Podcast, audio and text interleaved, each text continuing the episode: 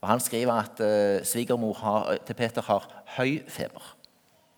Vi kan da gå ut ifra at uh, det er et hint om at det, det var litt alvorlig. Uh, en voksen person som har høy feber, da er det ofte noe alvorlig. Hva det var, vet vi jo ikke. Om det var en infeksjon, om det var I, i apostlenes gjerninger så, så ser vi en Faren til Publius han har feber og dysenteri. Men hva det var, det vet vi ikke. Men det er tydelig at hun er syk. Så syk at det er verdt å nevne. Vi vet jo at veldig mange aktive, gode svigermødre som vil stelle for folk altså om, om, det var en liten influensa, så hadde de ikke blitt stoppa av det. Men hun ligger til sengs med, med feber og høy feber, sier Lukas.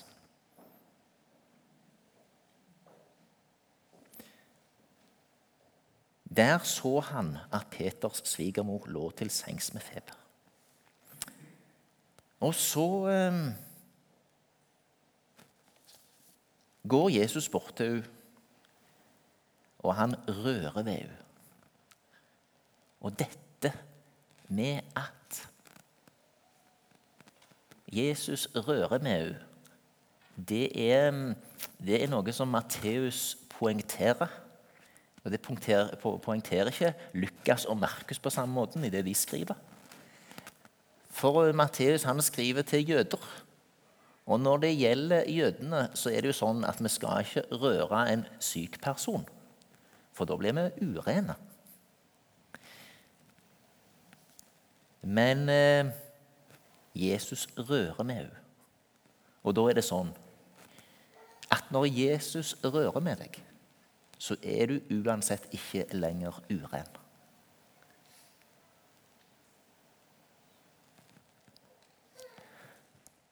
Og det er da slik at hun blir eh, åpenbart umiddelbart frisk. Det står 'feberen slapp henne'. Det er jo litt slik at De fleste av oss som da har eh, opplevd å bli friske igjen, kan jo kjennes litt sånn gåen ennå hvordan hun kjente seg og følte seg ellers. Om hun var veldig pigg. Eh, vi vet iallfall at hun, eh, feberen slipper taket. Og hun opplever seg da ikke å være så syk som hun var. Hun opplever seg da iallfall tydelig frisk nok til å gå opp og stelle for ham. Og jeg tror vi kan forvente at hun var helt frisk, og erfarte at hun var det òg. At hun hadde rett og slett fått kreftene tilbake ved en Herrens berøring.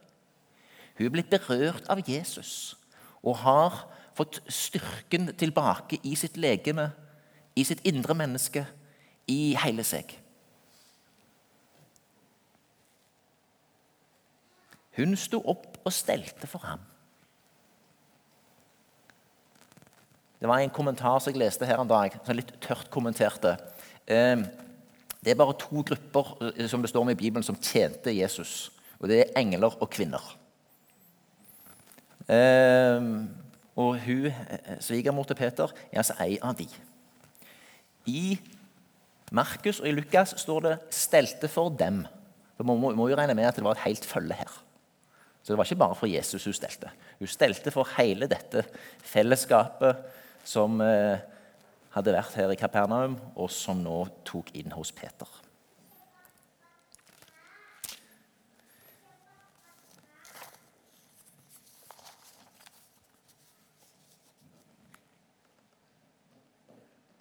Ellers er det jo interessant å merke seg følgende Det er ikke mange ord her.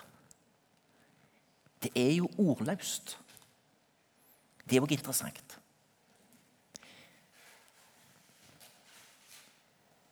Det kan bli mange ord.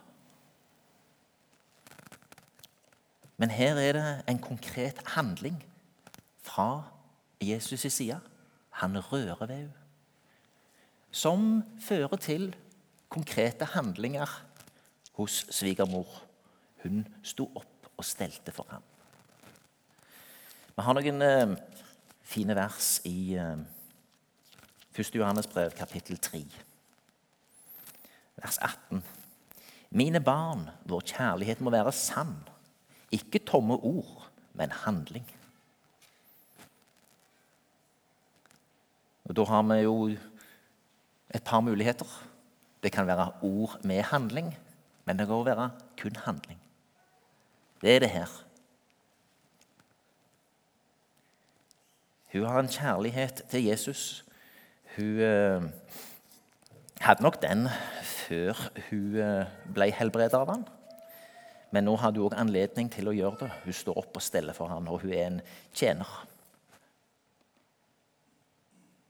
Det er mange tjenere, òg her i Salem, som ikke har så mange ord.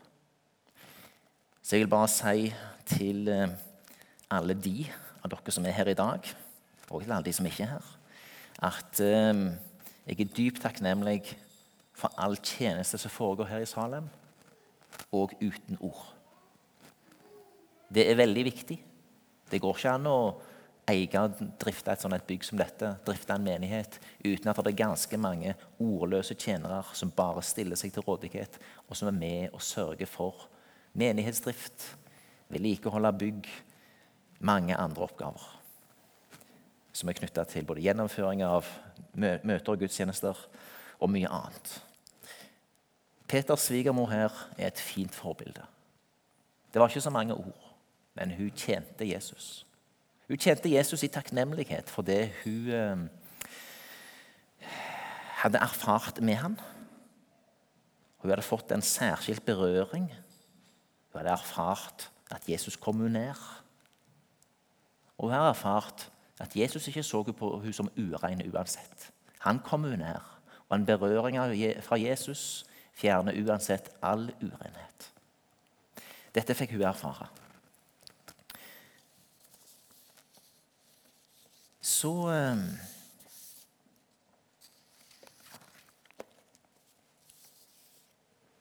er det jo sånn at eh, da det ble kveld Vi må regne med at det har vært sabbat, men når det ble kveld etter klokka seks, så brakte folk til ham mange som var besatt av onde ånder. Han drev åndene ut med et ord og helbredet alle som var syke. Nå bruker han ord til, eh, inn i det åndelige. Han driver de ut. Han sier det med navn. Han navngir det onde. Han eh, adresserer det, og han gjør noe med det. Og han helbredet alle som var syke, som var kommet til ham. Eh,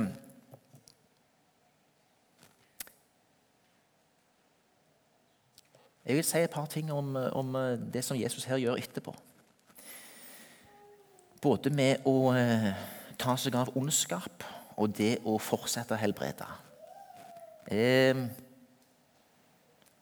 vi er òg kalt som eh, det kongelige presteskapet som er, som har fått Den hellige ånd, og som òg kan bli utrusta med gaver til å skjelne i det åndelige. Vi er òg kalt til Vi syns det er dramatisk når vi hører fra Misjonsmerket når de driver ut onde ånder. Men eh, det onde kan sette seg på ulike vis i mange sammenhenger. Kanskje ikke minst i kristne miljø, fellesskap, store som små, der det kommer inn noe, enten en konflikt eller det er noe rett og slett som bare er usunt. Det kan være usunn maktutøvelse. Dette er et uh, stort emne som av og til er litt skjult, men som, uh, som vi har behov for å løfte fram. Vi skal reise oss opp mot det onde. Vi skal også ha Jesus til forbilde. Vi trenger ikke lene oss tilbake og si at ja, men uh, jeg har ikke akkurat den gaven, og takk og lov for at jeg ikke har den gaven til å drive onde ånder. Men de fleste av oss vil i ulike sammenhenger være i berøring med det usunne, det halsende, det uklare, det uavklarte, det utmattende, det energitappende, det forvirrende. Ikke alt dette greier vi å rydde opp i på egen hånd. Vi må søke Herren i bønn, i fellesskap, i ordet. Min erfaring har også vært eh, bønn og faste. Um, vi trenger å ta i bruk hele verktøykassen. Og jeg tror det å eh, akseptere at det onde og usunne kommer oss ofte mye nærmere enn vi liker. Vi må jo være klar over at det kan også være et rent adelsmerke blant kristne, enten det er i familie eller et større fellesskap. Eh, eh, at den onde vil prøve å skape en kile, skape splittelse, skape splid, skape forvirring. Gjøre ting vanskelig. Han kan begynne i heimen, han kan begynne mellom ektefeller. Han kan begynne eh, i en relasjon mellom en far og en, eh, en sønn eller datter. Eh, det kan begynne i de nære tingene. Eh, eller det kan være noe i en forsamling, i en menighet, i en liten gruppe. Men vi er kalt altså til å, å gå inn og reise oss opp mot dette.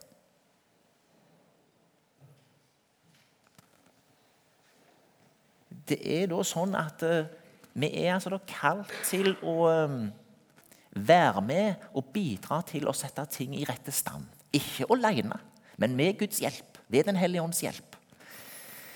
Uh, og det tror jeg er veldig viktig at vi tar på alvor. Og så greier vi det ikke sjøl, men takk og lov, Den hellige ånd er sannhetens ånd. Den hellige ånd kan avsløre, gi åpenbaring og veiledning til den enkelte, til to, til flere som trenger det, der det er en litt vanskelig situasjon. Her vil jeg si, her har vi ennå litt å gå på. Mange av oss oppvokst i la oss si, kanskje omgivelser som har hatt en god, trygg overleveringskristendom. Vi lever innenfor noen rammer. Men ofte når vi møter en eller annen form for usunnhet, så viker vi litt tilbake.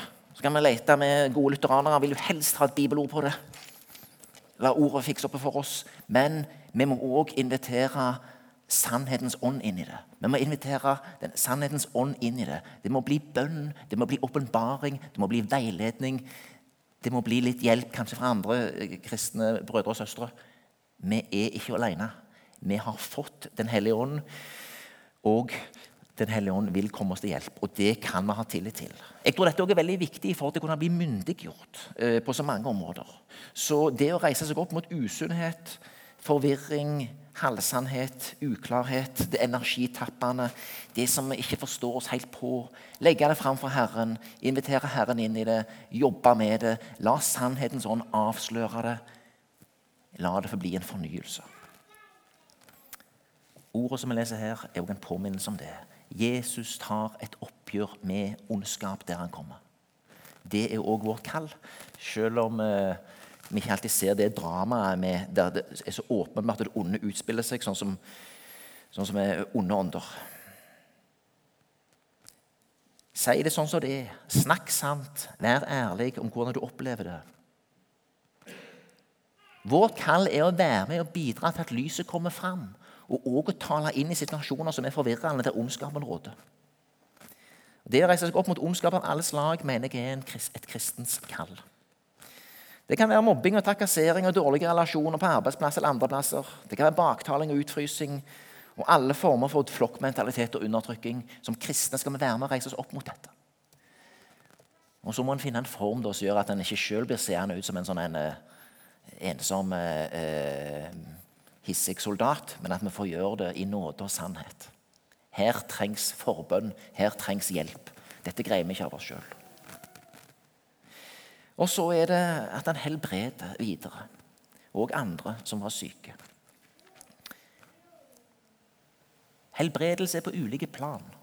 Det er fint når Jesus kommer til oss og viser at han vil helbrede våre sykdommer, som vi har fått eksempler på her. Alle som har vært syke, eller som er syke, vet hvor energitappende det kan være.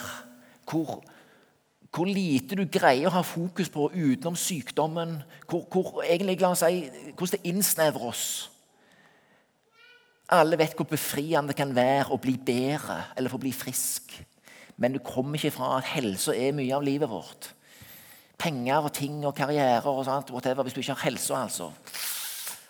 Jeg vil heller ha helse og, helse og litt gjeld enn en, en, uh, dårlig helse og god økonomi. Men uh, dette er viktig. Um, men videre så er det slik altså at det er ikke bare helsa vår sånn ytre fysisk, men også den psykiske og Her må vi hjelpe hverandre òg til å bidra til gode, sunne relasjoner. Bare ta det, det Teleios-kurset som vi nå har invitert til. Det tror jeg er en veldig god ting. Jeg har lyst til å gå der sjøl. Ehm, jeg tror ingen av oss blir utlært i det å lytte og forstå oss på andre. Så jeg tror eh, Kjell Aanensen har drevet mye med dette. Nå er han 72 år, fremdeles eh, oppegående. Men eh, jeg tenker det er en slags anledning. Jeg vet ikke hvor lenge den mannen vil holde på med sånne kurs. Så jeg ser det som en, en, en fin mulighet at han vil ha det her med oss. Jeg vet òg han har fått spørsmål fra andre eh, som vil han skal ha sånne kurs. Men han sagt han skal være i Salem, og jeg vet også han har fått spørsmål om andre om de kan være med til Salem. og Jeg har foreløpig sagt ja til det, men jeg, jeg håper jo at det blir mange fra Salem som vil være med. Fredag 30., lørdag 31. oktober. Eh, sett gjerne av de dagene. 490 kroner for å kunne bli en bedre lytter. De fleste rundt deg vil si at det var verdt det. Uh,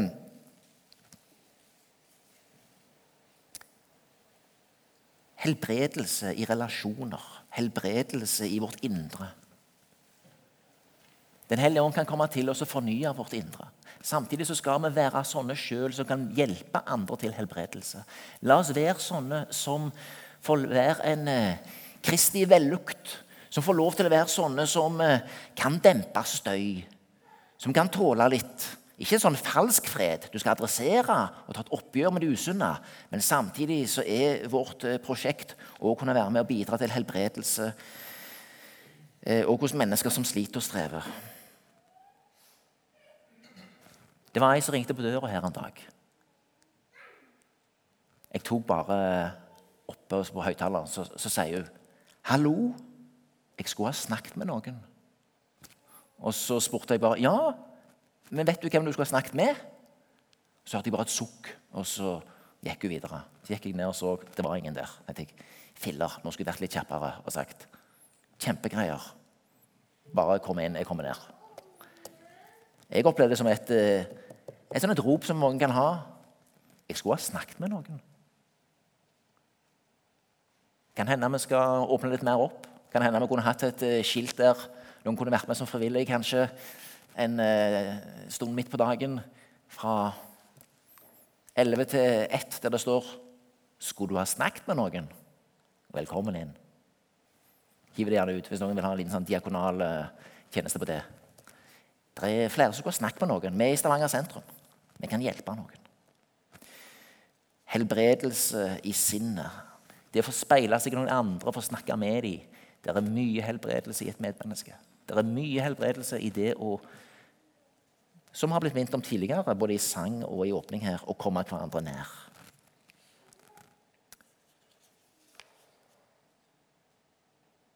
Jesus helbreder. Han inviterer oss inn i å være en del av helbredende prosesser.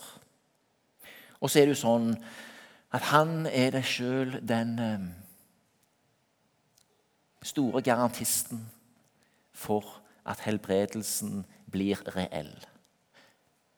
Han er troverdig. Han har sjøl erfart hva det vil si å eh, lide. Som eh, Kirsten Lodden leste fra Hebreabrevet, kapittel 2.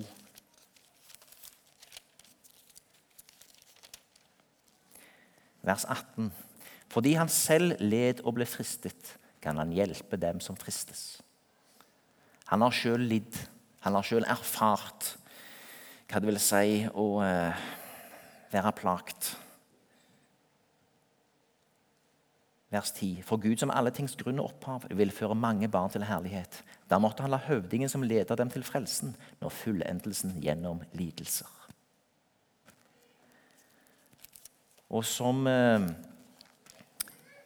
vi har fått eh, henvisninger til både i teksten i Matteus og det som Kirsten har lest fra Jesaja 53.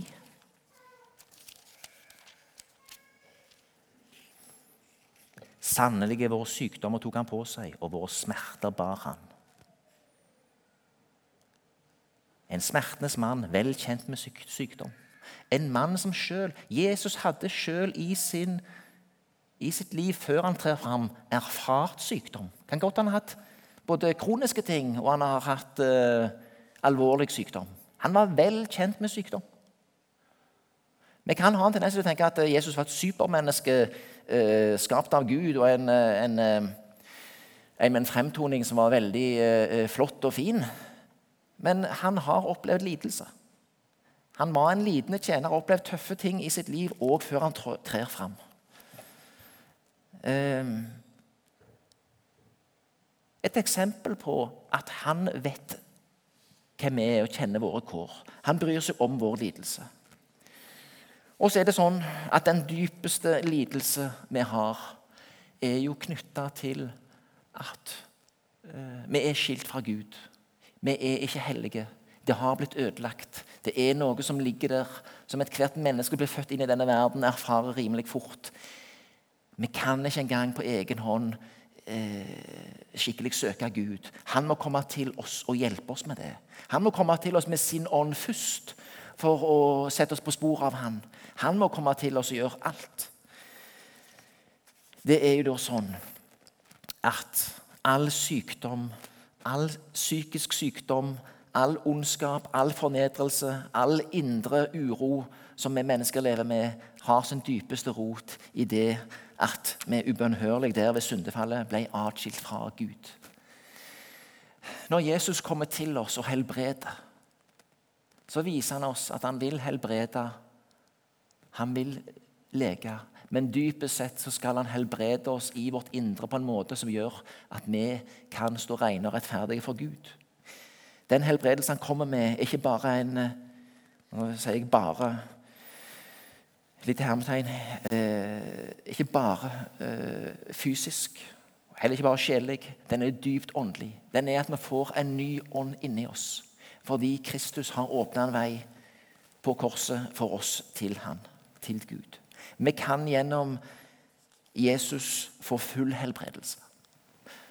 Så skal vi ta med oss dette. Selv om vi da er rettferdige for Kristus, så er det ikke slik at all helbredelse i livet, enten det er fysisk eller sjelelig, går av seg sjøl. Vi skal takke for gode leger, og at legevitenskapen har kommet der han er. Vi takker for at vi også får leve i et samfunn som er opptatt av den psykiske helse og opptatt av relasjoner og eh, trakassering, hva det skulle være. Eh, det er ikke slik at alt dette går av seg sjøl. Det er ikke sånn at eh, vi blir fritatt fra sykdom og problemer fordi om eh, vi får kalles kristne og et Guds barn. Veldig mange har erfart at det ikke ble sånn. Derfor må vi ikke si det til hverandre heller. Jeg opplever ikke at uh, vår sammenheng er så veldig på den sida, men en kan kjenne seg litt dømt når en er syk eller blir plagt og lurer på Gud, hvor er du hen? Hvor er du, Gud? Hvorfor lever jeg med dette? Det er vanskelig å forstå. Men dypest sett så kommer han til oss for å helbrede vår dypeste sykdom. Det at vi i utgangspunktet ikke lenger kunne ha samfunn med Gud. Og den sykdommen har vi blitt helbredet for ved korset, ved blodet. Det blodet har helbredet oss for uh, alltid. Vi kan ha relasjon, vi kan ha Guds ånd i oss, vi kan samtale med Herren, vi kan be, vi kan oppleve fellesskap midt i både psykisk sykdom, krevende relasjoner, vanskelige ting og fysisk sykdom som setter oss veldig tilbake. Vi kan få gripe det i tro, og vi kan få klamre oss til det når vi ikke har så mye annet enn det å fare med. Til slutt litt om eh, det som vi òg leste i Jesaja. Han skjøt opp som en kvist for Guds åsyn, som et rotskudd av tørr jord. Han hadde ingen herlig skikkelse. Gleder, vi gleder oss ikke ved synet av ham. Jeg syns det er spennende med Jesaja-boka. Bare ta helt det kort til slutt. Når de finner disse dødehavsrullene der på slutten av 40-tallet, begynnelsen av 50-tallet Den eneste boka som de finner helt og fullstendig, det er Jesaja-boka. Det er utrolig spennende. Eh, det er en utrolig spennende bok. David eh, eh, får høre fra Gud kan vi lese om i 2. Samuels bok, kapittel 7, at han skal egentlig bli konge et, til evig tid. Og når Jesaja trer fram i tida til kong Ussia, kong Jotam eh, og de andre eh, kongene som, som, levde når han var, så, eh, så har det gått nedover. Men han kommer midt i det som nå har gått nedover, med et håp om en ny konge og en ny tid. Og hele Davids rike, kongeriket, ser ut til å ha blitt ødelagt. Han profeterer allerede i Jesaja om Babylon, at de skal bli bortført til Babylon, men skal få komme tilbake igjen. 140 år før det skjer. Og så er det Isais eh, eh, rotstubb, som det står om mange andre plasser i Jesaja. Det er da altså etterkommerne etter Isai, David, bildet på Messias, som en rotskudd av tørr jord, som en kvist. Så skal det skyte opp noe nytt. Dette nye er ikke da et stort kongerike som jødene venter på. Dette nye det er en spire ut fra Betlehem. Davids hjemby, Isas hjemby, men òg der Jesus ble født. Der da altså det skal komme noe helt nytt. Det er noe som spirer fram noe veldig lite. Jesaja ser det og profeterer stort om det. Egentlig i en vanskelig og krevende tid. Han ser så store ting.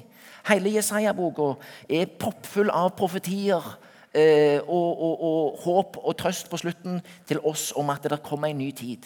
Vi har fått lov til å leve 2000 år inn i den tida. Det vi har sett, er at de sier Wow, Jesaja, du spådde rett. Det finnes eh, så utrolig mange eh, profetier som er trosstyrkende. Så ta gjerne noen studier av Jesaja-boka sammen med en gjeng og les noen kommentarer. Det er lite som er trosstyrkende å lese Jesaja. Jeg husker eh, Ei jente sa til meg ni år gammel jeg hendene på søndagsskolen Hva er det som gjør at denne profeten visste at Jesus skulle få graven til en rik mann? Bare som et lite eksempel. Det står mye spennende her. Det er veldig trosstyrkende Det er veldig trosstyrkende, og det er et håp og et trøst i Jesaja som er helt sjeldent. Og det er fint at han allerede Han kalles vel det gamle testamentets evangelist. Han påpeker og viser oss Jesus allerede år, 700 år før han kommer. Vi oppsummerer. Peters svigermor får erfare at du ikke er urein, men hun blir berørt av Jesus. Hun blir frisk fra feberen. Hun fortjener han. Jesus er den eh, som eh, driver ut det onde. Og vi er også kalt til å være med og være sånne som sørger for at det onde ikke får råde, men påpeke det og jobbe imot det med åndelige virkemidler. Vi kan òg være med og bidra til helbredelse i relasjoner mellom mennesker. Men dypest sett så må vi holde forankringen i Han som Jesaja allerede snakket om 700 år før Kristus. Han som skulle komme, han som setter oss fri. Han som fikk profetere fra Gud. Kom, la oss gjøre opp vår sak. Kom, la oss gå til rette med hverandre. Det er det vi blir invitert i. Det er det vi skal dele med hverandre. Det er det vi skal formidle ut på misjonsmarka. Det er det vi skal få leve i. Amen.